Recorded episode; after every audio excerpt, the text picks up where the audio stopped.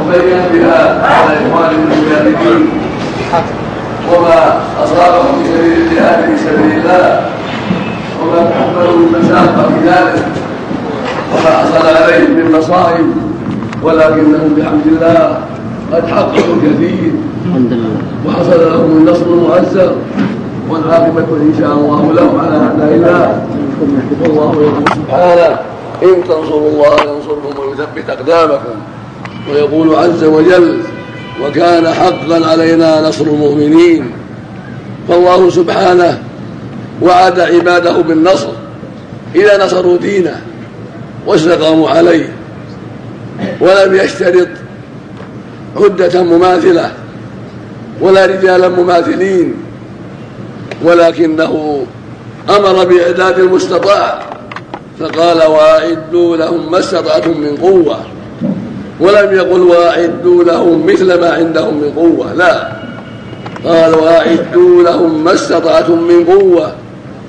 فإذا أعد المسلمون ما استطاعوا ونصروا دين الله نصرهم الله.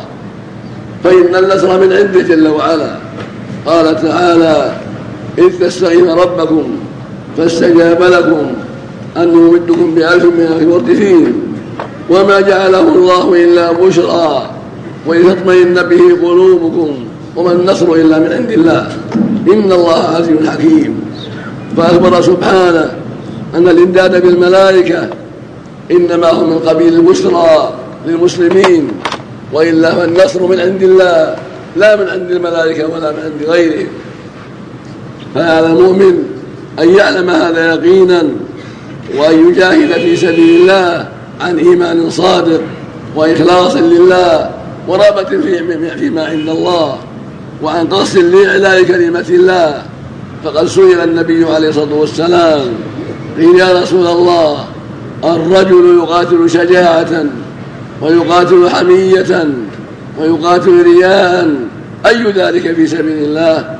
فقال عليه الصلاة والسلام من قاتل لتكون كلمة الله هي العليا فهو, فهو في سبيل الله. وقد سمعتم أخبار المجاهدين وما حصل عليهم في سبيل الجهاد من القتل والجراح والأذى وإهلاك المزارع والقرى وقتل النساء والصبيان والشيوخ وغير ذلك وذلك بلا شك من المصائب العظيمة ولكنها إذا نظر فيها من جهة أنها في سبيل الجهاد في سبيل الله وفي سبيل إعلاء كلمة الله صارت يسيرة بالنسبة إلى ذلك فإن العباد خلقوا ليعبدوا الله والجهاد من أعظم العبادات هو ذروة سلام الإسلام وهو أفضل الأعمال التي يتطوع بها المؤمن. قالت عائشة رضي الله عنها يا رسول الله نرى الجهاد أفضل الأعمال أفلا نجاهد؟ فقال عليكن جهاد لا قتل فيه الحج والعمرة ولم ينكر عليها قولها نرى الجهاد أفضل الأعمال.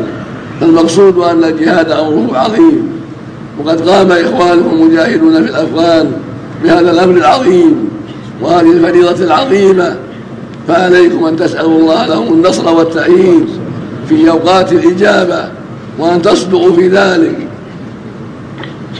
وعليكم وعلى المسلمين جميعا وعلى الدول الإسلامية جميعا وعلى الأغنياء عليكم جميعا أن تساعدوا بكل ما تستطيعون من المال والسلاح والرجال وغير ذلك.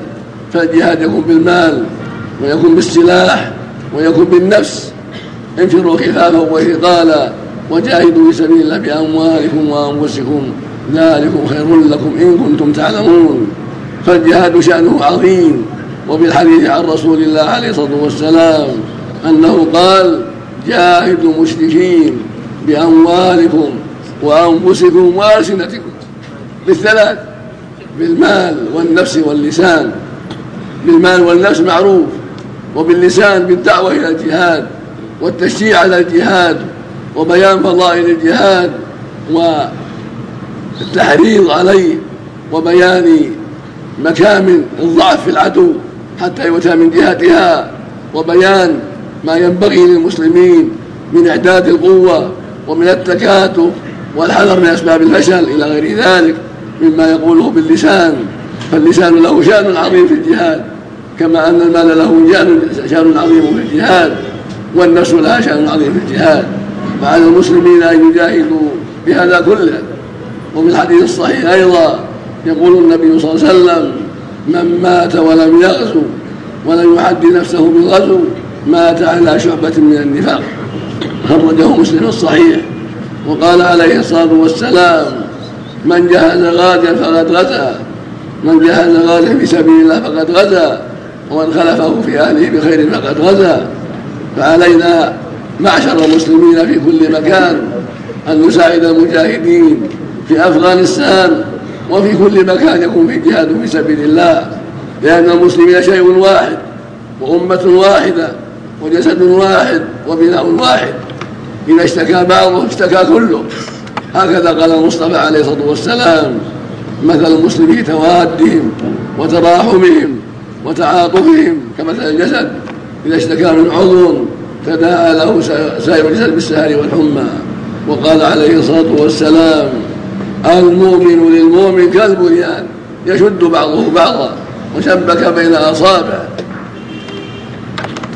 وقد سمعتم من الأخ سياف ما يشفي ويكفي في بيان حال المجاهدين وحال خصومهم الألداء أعداء الله الشيوعيين الذين هم أكبر خلق الله وأكثر خلق الله وأشرس أعداء الله وأظلم أعداء الله. فلا شك أن جهادهم أعظم الجهاد ولا شك أن المساعدة لإخوان المجاهدين من أعظم الفضائل حسب الطاقة. قال الله جل وعلا انفروا قتالا وثقالا وجاهدوا بأموالكم وأنفسكم في سبيل الله. وقال جل وعلا يا أيها الذين آمنوا ما لكم اذا قيل في سبيل الله. إذ ثاقت الأرض ارضيتم بالحياة الدنيا.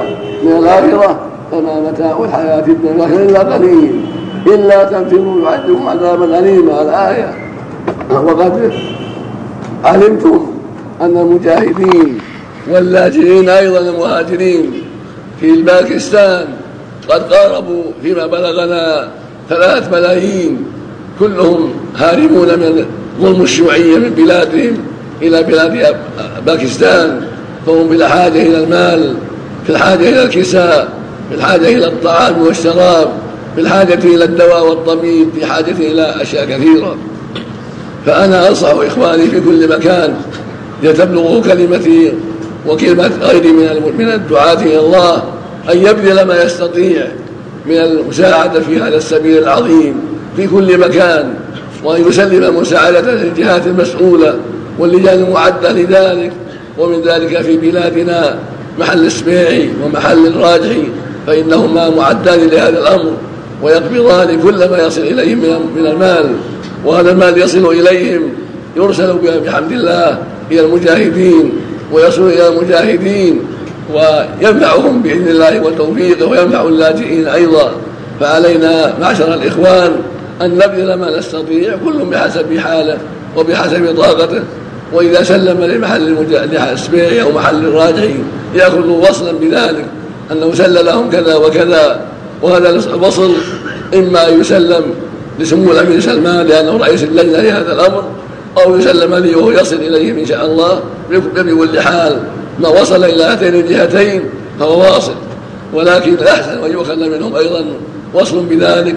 لأن ذلك أولى وأثبت وحتى نعلم وصول ذلك إليهم وهم لا لا يتهمون في هذا بل كل ما يصل إليهم يسلمونه ويخبرون به ولكن أخذ الوصل يكون طيبا ومناسبا وهذا الوصل يسلم لسمو الأمير سلمان أو نائبه سمو الأمير سطام أو يسلم لي وهو يصل إن شاء الله وذلك المال سوف ينفق في سبيله وفي طريقه للمجاهدين وفي اللاجئين المهاجرين الذين هم في حاجة إلى المساعدة من إخوانهم.